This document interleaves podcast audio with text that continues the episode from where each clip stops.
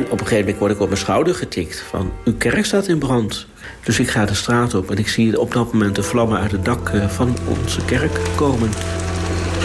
Het ging echt in no time.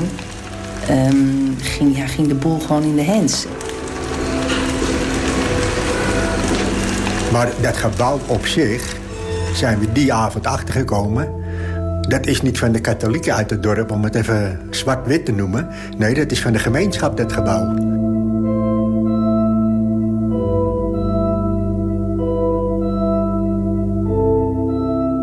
Brand in de Urbanus. Een podcastserie van NH Nieuws. Aflevering 4. Heimwee.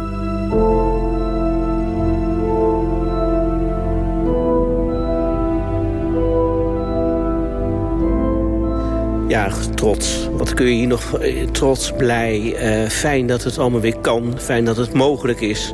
Ja, eigenlijk heb je er geen woorden voor. Er zijn zoveel gevoelens die even nu door je heen gaan.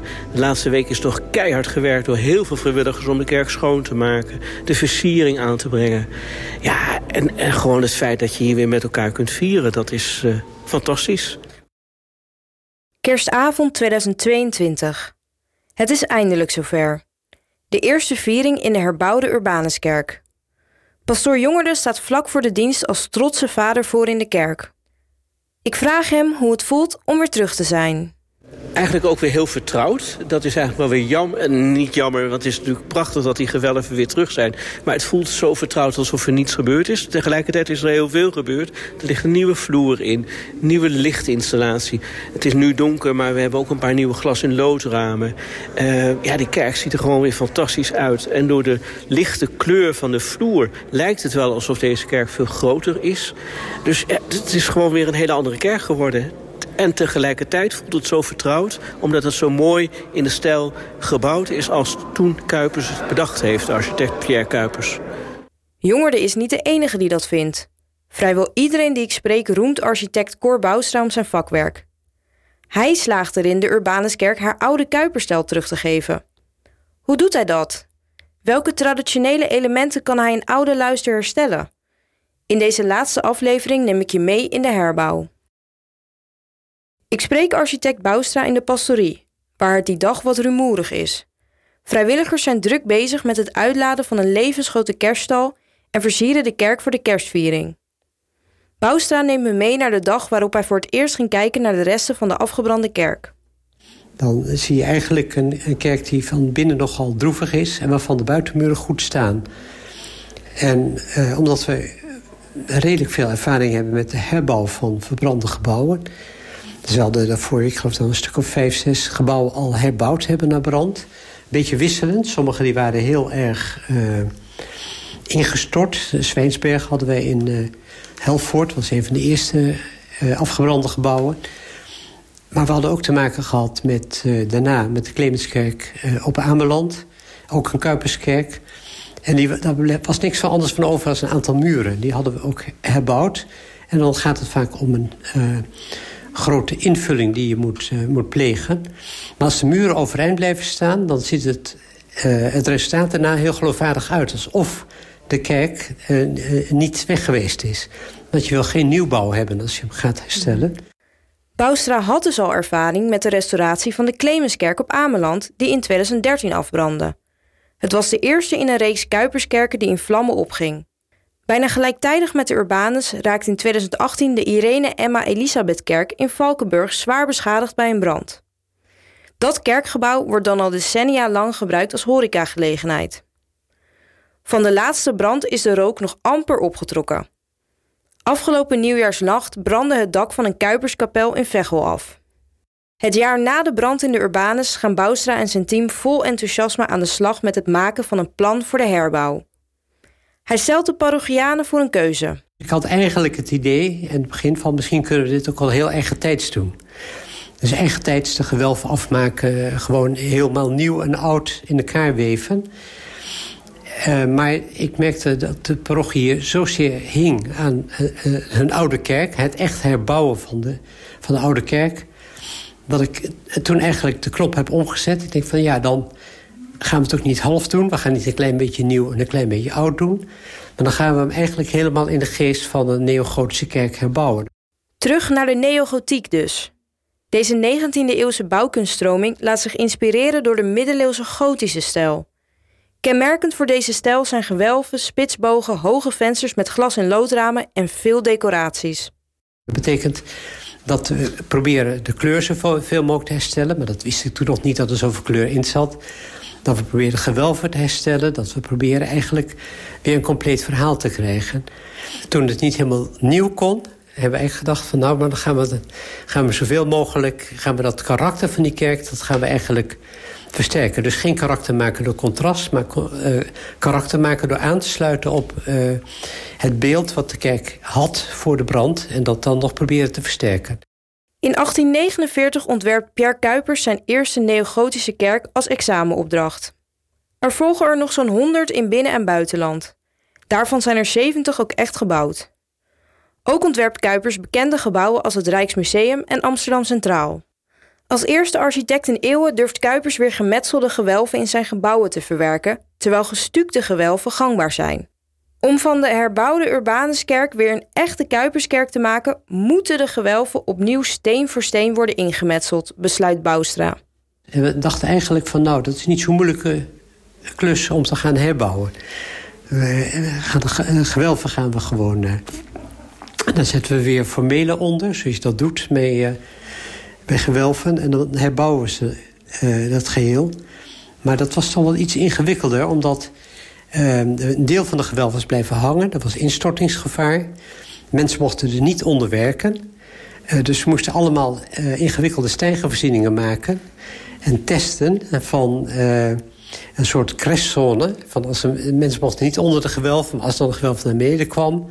en ze werkte iets lager onder de stijger... moest iets boven hun hoofd hebben wat de klap kon opvangen. In de vorige aflevering van de podcast maakte je al kennis met hobbyfotograaf Dolf Middelhof. Hij begon vlak na de brand te fotograferen en doet dat duizenden foto's later nog steeds. Als hij me over de start van de herbouw twee jaar na de brand vertelt, krijgt hij een twinkeling in zijn ogen. Bouwen is altijd een beetje een jongensdroom van me geweest. Hè. Ik ben zelf grafisch vormgever, maar ik, ik heb bouwen ook altijd ontzettend interessant gevonden. Um, en al, al, al vroeger, toen ik met mijn moeder uh, uh, in of aan de kinderwagen uh, door, door Amsterdam liep... stopten we altijd bij bouwterreinen.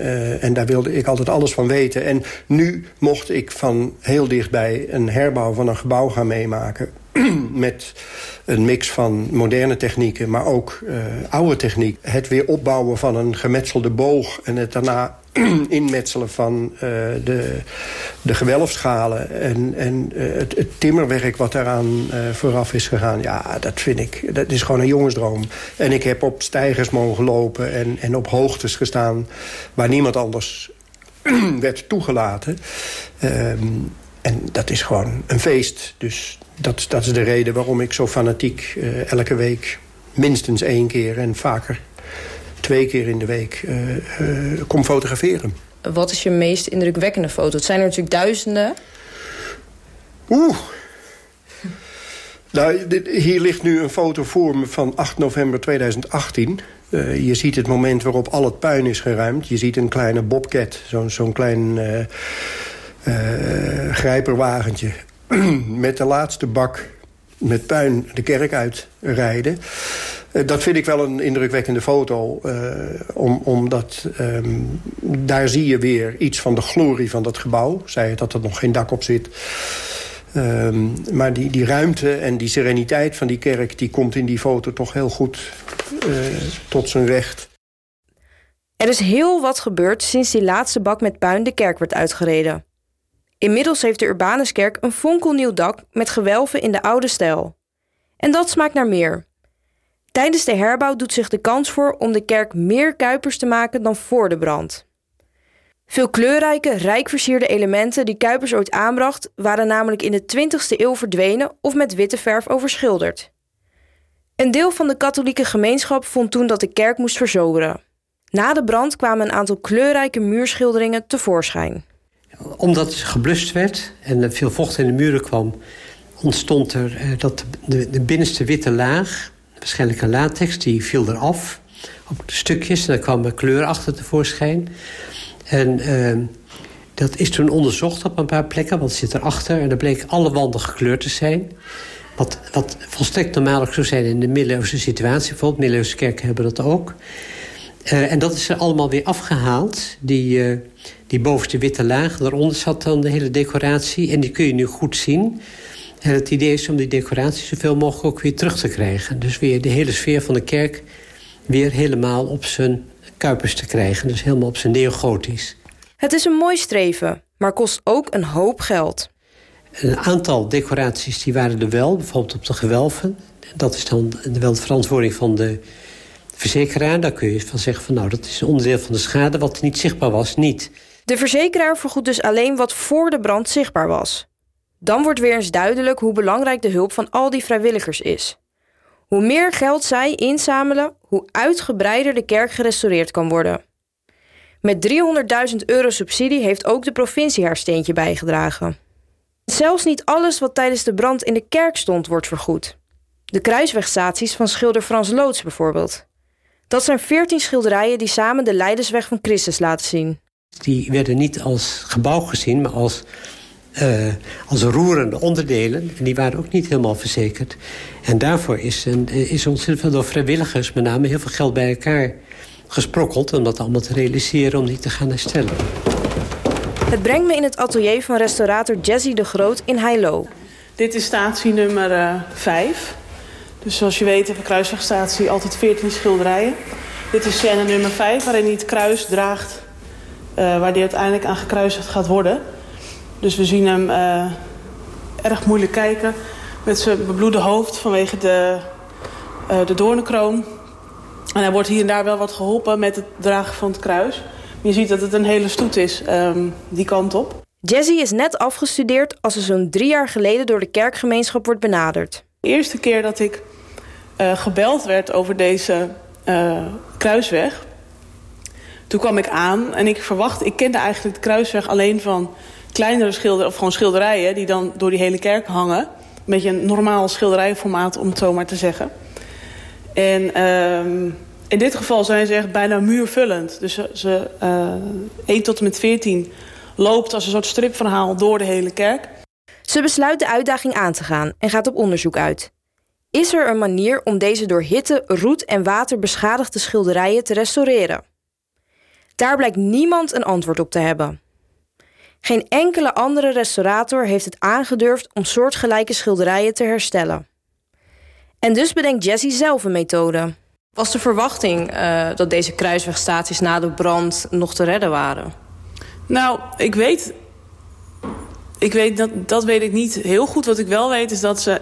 Um, het was wel heel erg de vraag, ja, in hoeverre is het nou eigenlijk beschadigd? Dat wisten we eigenlijk niet. Kijk, het plaatje zag je nog wel. Dat, dat zagen ze wel. Het is niet dat het er helemaal zwart geblakerd was. Dat je meteen al dacht van, uh, oh jee, uh, daar is niks meer mee te doen. Maar het heeft, um, na de brand heeft het een aantal maanden nog in die kerk gehangen zonder dak omdat dat dak op instorten stond. Dus het kon pas veel later eruit gehaald worden. En ja, dan is natuurlijk een beetje de vraag... in hoeverre komt dat er nog een beetje oké uh, tussen al die ja, tussen die wrakstukken vandaan. Hoe bijzonder is het dat jij uh, bent gekozen om dit te doen? Nou ja, ik ben er heel dankbaar voor. Dat kwam op een heel goed moment in mijn uh, loopbaan eigenlijk. Omdat ik was net afgestudeerd. En net voor mezelf. Dus ik had ook alle tijd om te gaan onderzoeken hoe we het konden restaureren. En dat, ja, dat moet je ook maar hebben. En daar moet je ook maar zin in hebben. Want ze waren natuurlijk eigenlijk al afgeschreven. Maar het heb ik toch voorgesteld, breng er maar een paar bij me. En dan ga ik kijken wat mogelijk is. Um, en ik ben ontzettend dankbaar dat ze die kansen, dat ze dat vertrouwen daarin hadden, dat ik dat mocht gaan doen. Eigenlijk waren ze ook wel, zeker naar mijn onderzoek daarna, een soort van totaal los verklaard. Want het was zo arbeidsintensief om dat nog te kunnen restaureren. Dus het was wel de vraag, uiteindelijk, het was wel een heel, heel hoogtepunt dat we erachter kwamen dat het kon. Dat was eerst al de vraag, kunnen we het überhaupt restaureren? En toen er eenmaal een manier was om dat uh, te doen was het de vraag... Uh, hoe gaan we dat ooit financieren om dat uh, te kunnen doen. Want in totaal, de zwaar beschadigde schilderijen... daar ben ik uh, zo'n 340 uur mee bezig, 350 uur voor begroot. Nou ja, dat is gewoon... dat kost gewoon een hoop geld. Mijn mond valt open als Jessie me vertelt hoeveel werk het is... om alle staties te restaureren. Ik vraag me af of dit het allemaal wel waard is. Kan je nou niet gewoon eh, ja, een andere statie uh, daar ophangen? Nou, ze hebben toen, eenmaal, toen ik eenmaal had uitgevogeld hoe ik het kon restaureren... en ook hoeveel dat zou gaan kosten dus, hoe arbeidsintensief dat is... toen hebben ze ook overwogen, of in ieder geval opties tegen elkaar afgewogen... om te kijken of ze niet een andere statie... want heel veel kruiswegen worden afgestoten door andere kerken... om te kijken of ze niet eentje konden vervangen... die dus uit een andere kerk zou komen... Uh, dan zit je natuurlijk überhaupt al met de mate van, uh, van zo'n ding. Dat het moet er ook in passen. Maar ze kwamen er ook wel snel achter... dat de kruisweg van, van Frans Loods... en dit is dan nog, ook nog eens een vroege... Um, eigenlijk wel ontzettend sterk geschilderd zijn. Hij is gemaakt voor deze kerk, voor de Urbanus. Hij is daar geplaatst uh, rond 1895, zoiets. is eind 19e eeuw. En de kleuren zijn ook heel erg, zoals je het in een Kuiperskerk zou verwachten... vooral heel kleurrijk. Dus ja, het is, het, is onderdeel uh, van het interieur... maar het is eigenlijk net zo goed onderdeel van het gebouw zelf. Omdat ze ook in de betimmering zitten... en uh, ontzettend beeldbepalend zijn voor het interieur. Dus als je daar zomaar iets anders op gaat hangen... ja, dan haal je die hele Kuiperssfeer eigenlijk, eigenlijk weg.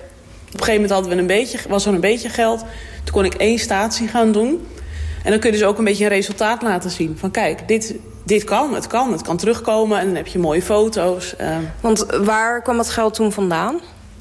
Toen was het uh, het eerste setje... Er waren sowieso al uh, wat begunstigers... die um, wat kleinere bedragen, maar even goed uh, mooie bedragen doneerden. Er was een beetje verzekeringsgeld... maar daar kon je echt nog niet één statie van restaureren, van de 14.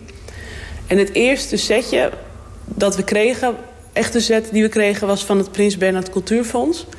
Die um, uh, stelde een geldbedrag beschikbaar... waar we in ieder geval één statie van konden doen. En toen hebben we dus met elkaar afgesproken van... nou, ik doe in ieder geval er één. En daarna kunnen we zien of dat balletje inderdaad nog meer gaat rollen. En dat gebeurde ook. Dus daarna kwam de provincie met een uh, aanzienlijke bijdrage... van ongeveer de helft van het totale bedrag. Ja, en hoe meer je de, de eindstreep in zicht krijgt... hoe meer mensen ook enthousiast zijn om dat aan te vullen. Dus toen ging het, uh, ging het hard. En nu is eigenlijk bijna alles bij elkaar. Nu de eindstreep in zicht is... worden nog steeds allerlei acties gehouden... om mensen enthousiast te maken een financieel steentje bij te dragen. Zo kon het publiek afgelopen oktober en november... in het Amstelveense Museum Jan Jazzy live in actie zien met de schilderijen. Je merkt dat dat dat is voor mensen heel beeldend om te zien wat er nou eigenlijk aan het doen zijn. Want mensen horen het kost veel geld. Dus ze zien af en toe een foto. Maar door mensen er echt bij te betrekken... merkte je dat uh, de fondsenwerving ook weer, uh, weer een setje kreeg. Omdat mensen daar ter pla plaatse doneren of um, ja, bereid zijn dat laatste stukje nog aan te vullen. Dat heeft wel veel gedaan. Ja. Het is ook echt aan de gemeenschap te danken dat... Um, uh, die betrokkenheid en die bereidheid om het te financieren, dat dat is gelukt. Absoluut. En ik kan me voorstellen dat het project voor jou ook meer gaat leven... als je ook mensen daar uit de omgeving uh, spreekt terwijl je aan het werk bent. Ja, absoluut. Want uh, nou, we zijn nu in mijn atelier en daar zit ik bijna altijd alleen. Uh, vrienden komen wel langs en soms begunstigers. Die zijn ook altijd welkom om... sommige mensen hebben bijvoorbeeld een hele statie geadopteerd, om het zo maar te zeggen. En um, die zijn dan ook welkom om natuurlijk even te komen kijken... En dat is heel mooi om te zien dat die mensen echt uh, super blij zijn dat het te redden is. Uh, erg onder de indruk zijn wat er mogelijk is. En als je dus ook in een museum zit, spreek je mensen die uh, bijvoorbeeld bij eerdere restauraties van de statie betrokken zijn. Dat is ook heel grappig. Die kunnen daar weer over vertellen. Dus dat is voor mij ook weer goede informatie. Maar ook mensen die de brand hebben gezien, ernaast wonen. Um, of de kruisweg altijd heel indrukwekkend hebben gevonden. En dan weet je weer, oh ja, ik doe het niet alleen in mijn ateliertje. Maar het, het, gaat ook weer naar een plek. De context is heel belangrijk. En dat geeft mij ook altijd weer energie om uh, dit grote project uh, aan te pakken. Een groot project is het zeker. En monnikenwerk. In eerste instantie was het idee, ik doe er tien jaar over. En dan zit ik er niet fulltime aan hoor. Want dan zou je helemaal gek worden op een gegeven moment. Uh, je moet ook andere dingen doen. Dus ik doe ook andere opdrachten ernaast. maar toen kwam de fondsenwerving eigenlijk zo goed op gang... dat we het idee kregen, de vraag kregen, kan het ook niet in vier jaar? Dus in totaal um, doe ik er vier jaar over, maar niet um, ehm, 40 uur per week. Want um, ja, dan wordt het op, op een gegeven moment wel heel eentonig. En dan ga je het ook niet meer zien. Je moet af en toe afstand nemen. Wil je Jessie aan het werk zien? Zoek dan in de virtuele kerk naar de plek waar de kruiswegstaties komen te hangen. Daar vind je een reportage waarin Jessie laat zien hoe ze de schilderijen restaureert.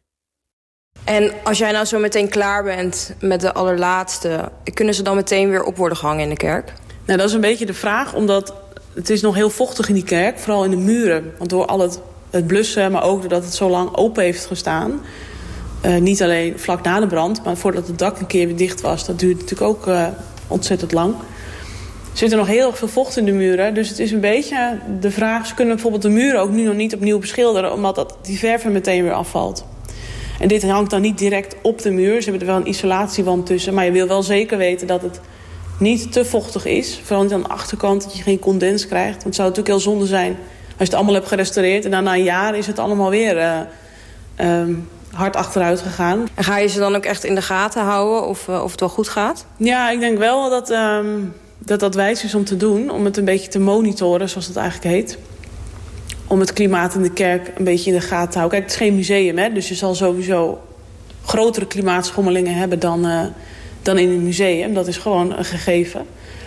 Dus ik denk wel dat we zeker in het begin af en toe... Uh, dat ik even langs ga om te kijken of het nog goed met ze gaat. Dat als er iets is, dat we snel genoeg kunnen ingrijpen om erger te voorkomen. Maar ik verwacht het niet hoor, want... Uh, de, na restauratie is de verflaag hartstikke stabiel. Dus ik verwacht dat dat gewoon allemaal goed gaat. Het, zal wel altijd, het, het, is altijd een beetje, als je een schilderij terugziet die je hebt gerestaureerd... dan zie je een soort oude vriend terug. Want je kent ze zo goed, je kent ze door en door. Je hebt meer dan 300 uur voor zo'n schilderij gezeten. Dus je leert vooral de schilder heel goed kennen... en de verflagen en de condities. En daarom is het ook belangrijk om het in het begin even in de gaten te houden. Want ik weet precies waar ik dan misschien iets zou kunnen verwachten. Het duurt dus nog wel even voor alle 14 kruiswegstaties weer op hun plek hangen. Voorlopig hangen daarom afbeeldingen van de staties in de kerk. Terug naar mijn gesprek met architect Cor Boustra.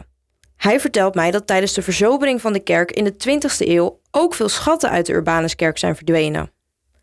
Na de brand doet zich een kans voor om het interieur van de kerk weer wat van zijn oude glans terug te geven. Al vrij snel nadat we de herbouwplannen hadden, uh, had pastoor had contact gelegd met een pastoor in Workum. Die had hem eigenlijk opgebeld. Van ik hoor dat jullie kerk verbrand is en wij moeten de kerk sluiten. En kunnen jullie nog iets met ons interieur? Want het interieur, dat, is heel waardevol gezien. Het interieur van de kerk in Workum.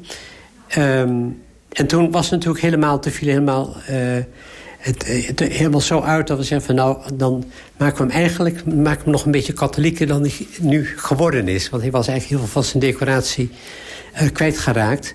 Uit Workum komen onder andere een aantal altaren, beelden, een preekstoel en een doopvond. Voor de mensen daar is het een fijne gedachte dat deze pronkstukken niet in een opslag eindigen. Dat is natuurlijk een kerksluiting wat ze daar moeten doen. Dat is een heel rouwproces doormaken. En dan heb je een erfenis en dan vind je heel fijn dat die erfenis goed wordt ondergebracht.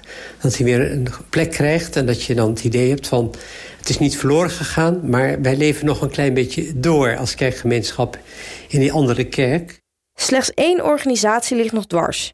Het Kuipersgenootschap heeft er moeite mee dat het interieur uit de Friese kerk is ontworpen door een andere architect, namelijk Alfred Tepe.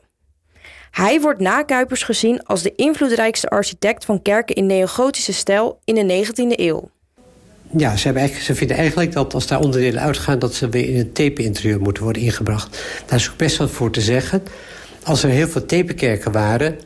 Die, waar je het interieur in kon plaatsen, maar dat doet zich gewoon niet voor. En dan is dit, voor Workum is dit een unieke kans... en eigenlijk ook wel een unieke kans om het materiaal...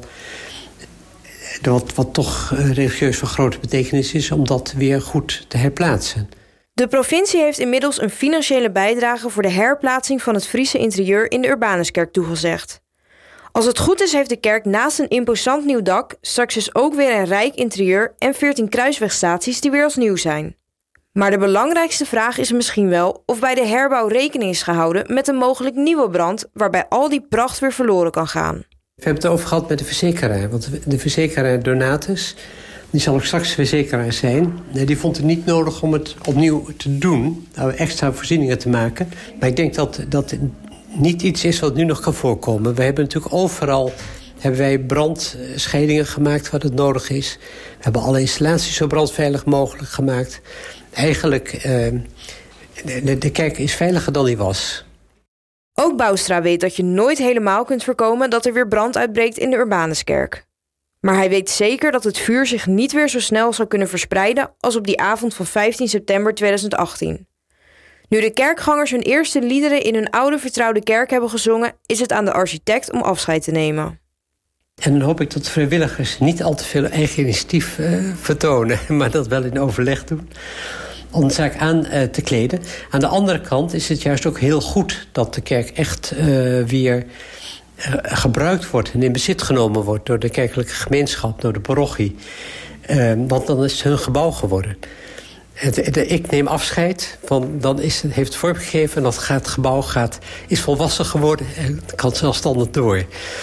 En dan uh, wordt het, uh, ongetwijfeld wordt het dan een gebouw van de gemeenschap. En ik hoop dat er dan nog ja, lang veel mensen plezier mogen hebben... van de ingrepen die we nu doen.